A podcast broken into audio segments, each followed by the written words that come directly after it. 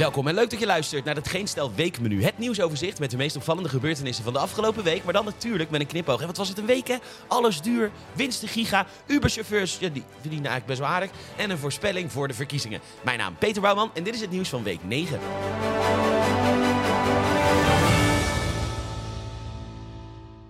Maandag. Ja, sorry, maar we moeten het toch even hebben over de penisplant. Wist u dat deze eruit ziet als een penis en dat deze dus stinkt? Ja. Ja, dat wist u. Want nu.nl komt vandaag met een verhaal dat er twee penisplanten in bloei staan in Leiden. En op nu.nl staat dat dat heel bijzonder is. Maar waarom lezen we dan op nu.nl zo ontzettend vaak dat er ergens in Nederland een penisplant, die dus zo enorm stinkt, in bloei staat? Ja, zo bijzonder is dat dus niet. Zoals het dus ook in hetzelfde artikel te lezen is. Afgelopen zomer nog twee keer, vorig jaar ook. Zou het misschien te maken hebben met het feit dat een artikel over de penisplant een veilige manier is om toch wat bezoekers van Pornhub weg te trekken? trekken.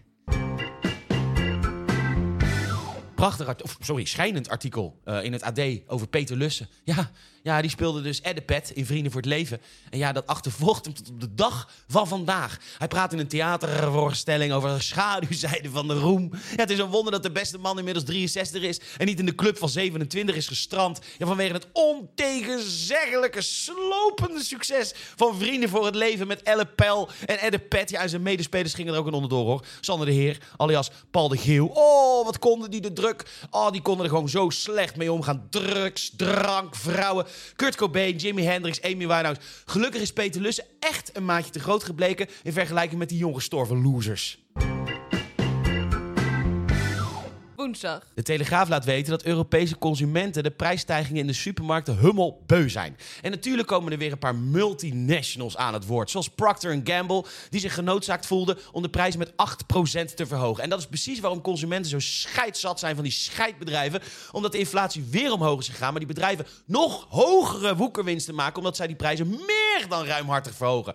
En dan klagen dat hun producten minder worden verkocht. Een bedrijf zou zich nu in de kijker spelen als ze de aandeelhouders ook mee zouden nemen in de bezuinigingen. Maar dat gebeurt dus niet. Alles is de consument. En of het dan gaat om de supermarkten tijdens corona, energiebedrijven met hoge energiekosten, producenten van levensmiddelen nu. Altijd is er één verliezer en nooit wordt het verlies gedeeld. Je zou bijna communist van worden, waar het niet dat het communisme niet echt lekker te rijmen valt met een democratie. Ondertussen in de Volkskrant. Topman bij Ahold Delhaize Frans Muller ontvangt 6,5 miljoen euro, 8 ton meer dan vorig jaar. Een stijging van 11%. En ja, dat is ongeveer de inflatie van vorig jaar. Dus ja, weet je, meneer Muller, voor meneer Muller wordt ook alles duurder, hè?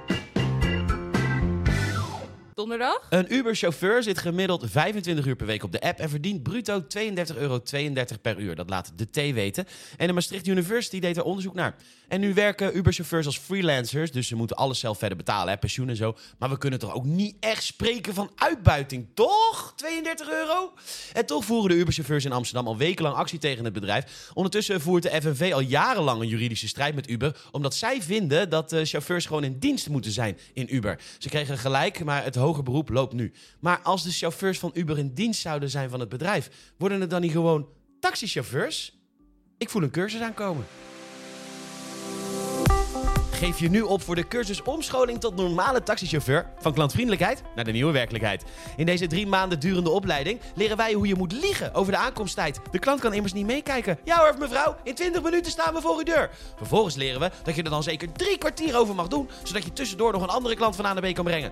In week 4 van de opleiding wordt het echt spannend, want dan leren we je zo ver mogelijk om te rijden. De klant kan immers niet meekijken met zo'n vervelende app. Maar ja, hoe speel je dat je de juiste route rijdt? In verschillende leren wij je jou, de klant, voor te liegen met bijvoorbeeld de zinnen: Ach, mevrouwtje, het dammerak is opengebroken. Of er wordt een gebouw ontruimd waardoor wij moeten omrijden. Dat heb ik net gehoord van de politie. En als het echt moeilijk wordt, leren we je de radiomethode.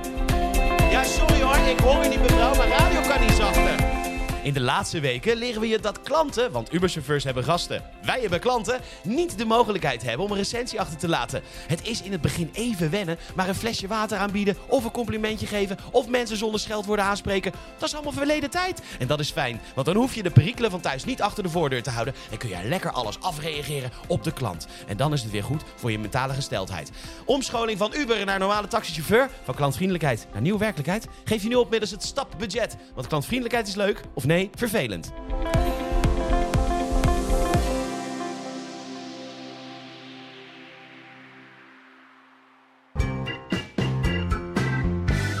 Hoor, nu wil de stad van liefde en passie en Amsterdam. Eh, dat Rijkswaterstaat de maximumsnelheid op de A10 verlaagt... omdat omwoners last hebben van het geluid... als gevolg van kapotte geluidsschermen. Gelukkig gaat de gemeente daar dus niet over. Want mensen die daar rijden willen zo snel mogelijk uit de stad zijn... en dat kan echt niet met 80 km per uur. Prachtige reportage bij de NOS over de moeilijke taal die wordt gebruikt bij de verkiezingen. En er zijn inderdaad veel mensen die niet goed kunnen lezen. Zoals Irma in het item. Een superleuke en spontane vrouw, maar ze kan niet zo goed lezen. En dan springt er direct een organisatie op die het echt wel goed bedoelt hoor. En prima dat ze er zijn. Maar ze maken van laaggeletterden altijd zulke domme idioten. Want om laaggeletterden te helpen... En dat zijn ze dus niet, hè, voor de duidelijkheid. Maar dat vinden zij, denk ik. Want om laaggeletterden te helpen introduceren ze, introduceren ze Steffi. En Steffi is een poppetje die als een debiel tegen je praat. Welkom bij het Kieskompas met Steffi voor de provincie Utrecht. Ja, want mensen die niet kunnen lezen, nou, die zien Steffi op hun beeldscherm. En dan beginnen ze aan het beeldscherm, dan beginnen ze het beeldscherm aan te raken. Want dan denken ze dat het echt is. Hè, een windmolen? Wat is in hemelsnaam een windmolen? Er moeten meer windmolens in de provincie Utrecht komen. Een windmolen maakt van wind elektriciteit. Dankjewel, Steffi. Vrijdag. In nog maar 11% van de vacatures voor beleidsambtenaren wordt gevraagd om specifieke vaardigheden. Dat meldt de Groene Amsterdammer. De vacatures staan vol met termen als vlotte pen, humor, proactief. En ook wordt constant, worden er constant ambtenaren gezocht met politieke sensitiviteit en politieke antennes. En laten nou net D66'ers daar altijd heel erg mee bezig zijn. Sensitiviteit en antennes. Want echt iets kunnen, laat maar. Maar eh, het is dan ook te raden welk ministerie het meeste werft met termen als politieke sensitiviteit. Ja, het ministerie van Economische Zaken en Klimaat van Rob. Diezelfde Rob Jetten die maar niet snapt hoe je een godsnaam huizen kunt verwarmen met kernenergie. Maar god, wat is die lekker sensitief, hè? Het Algemeen Dagblad laat weten dat Duitsland niet langer van plan is om mee te stemmen met een verbod op de verbrandingsmotor vanaf 2035. De EU is verrast, want de wet was eigenlijk al in kannen en kruiken. Maar Duitsland kan natuurlijk niet zonder auto's met verbrandingsmotoren. Dat, dat zou natuurlijk echt van de zotte zijn. Dat zou hetzelfde zijn als Nederland zou stoppen met de export van melkproducten. Of nou, dat die prachtige verbinding Schiphol aan banden... Oh. Nou, Shell is dus niet welkom op de carrière-dagen van de Universiteit van Utrecht. De T laat weten dat verschillende studenten het zogenaamde ecofier hebben. En ze hebben daar mentaal last van. Dus wordt fossiel eventjes weggedacht. Want wat je niet ziet, dat is er niet. En dat terwijl heel veel fossiele bedrijven zoals Shell, waar overigens genoeg op aan te merken is, maar ook zij zijn druk bezig met bijvoorbeeld ontwikkeling van waterstof. Omdat ook zij echt wel zien dat de toekomst niet bij fossiel ligt. Dat raakt namelijk op. De tere studentenzieltjes in Utrecht zouden daar een bijdrage aan kunnen leveren. Maar nee, ze hebben klimaatangst en een genuanceerde benadering van het uitfaseren van fossiel. En dat het toch echt nog wel eventjes duurt. En dat juist fossiele producenten daar een rol in spelen. Nou, laat maar. Leuk staatje bij de NOS, besprek op staatjes.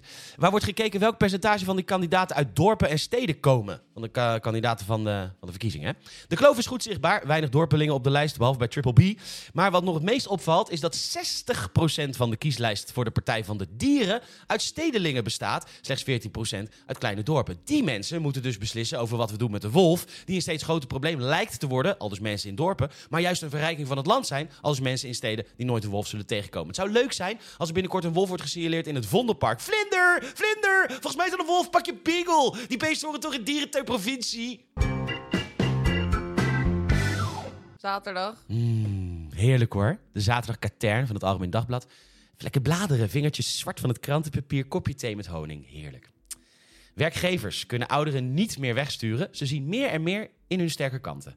En natuurlijk, ik gooi ook wel eens een groep mensen op één hoop en dan vergroot ik dan uit. Maar dat is stijlvorm. Ik snap heus wel dat er ook verstandige D66... Laat maar grapje.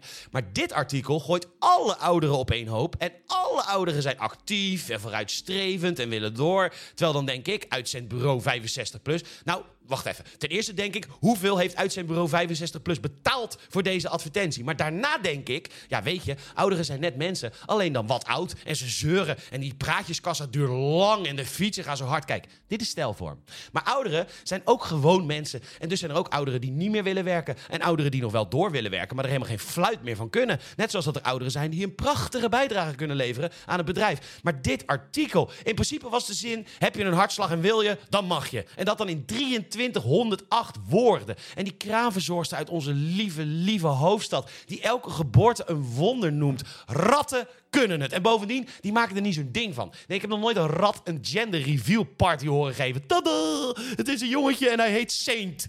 Oh ja, wacht. Mag ik het even hebben? Ja, sorry, even.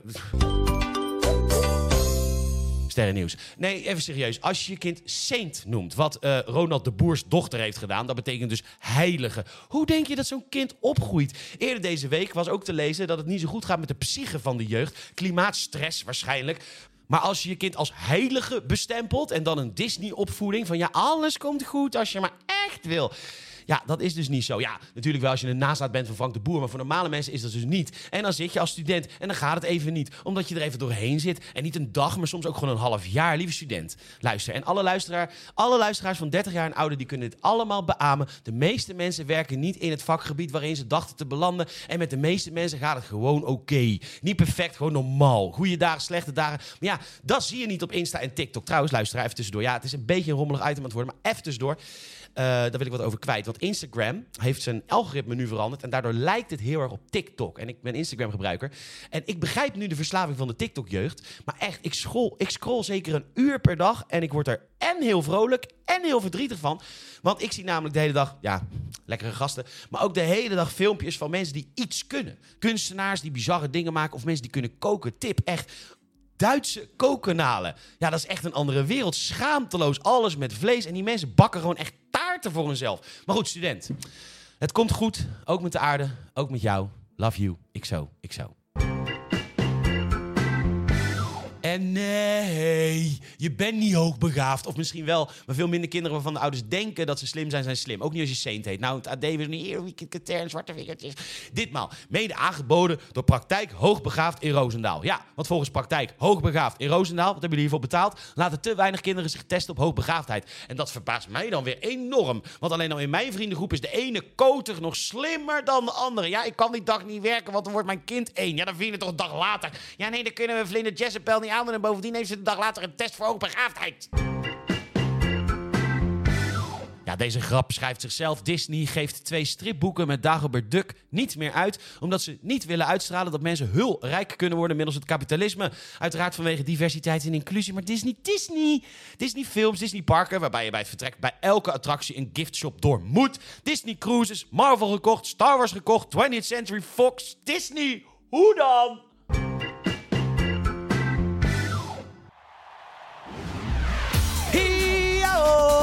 Even lekkere voorspelling doen voor de provinciale statenverkiezingen van 15 maart aanstaande. Want wat zal het weer een spanning en sensatie worden. En wees niet bang, luister het twee keer en je zingt het helemaal mee. Daar sta je dan vanavond. Het was niet spannend, het was niet fijn. En zoals elke verkiezing zal er maar één de winnaar zijn. Nederland mocht stemmen en het krijgt wat het verdient. Het is niet te ontkennen, dit is Stockholm-syndroom. Met z'n allen, met z'n allen. Met z'n allen zingen wij van harte gefeliciteerd. Met z'n allen, met z'n allen. Hij heeft lekker van Jeroen Pauw geprofiteerd. Z'n allen, met z'n allen. En nu verandert er dus precies helemaal niks. U wordt uitgekocht, de grens die blijft openstaan. U vindt het prima zo, u wilt hem niet ontslaan. En al tien jaar lang lacht hij ons allen uit. En dan klagen en kriezen en schelden en tieren. Wat doen we de volgende keer? Ja, dan doen we het weer.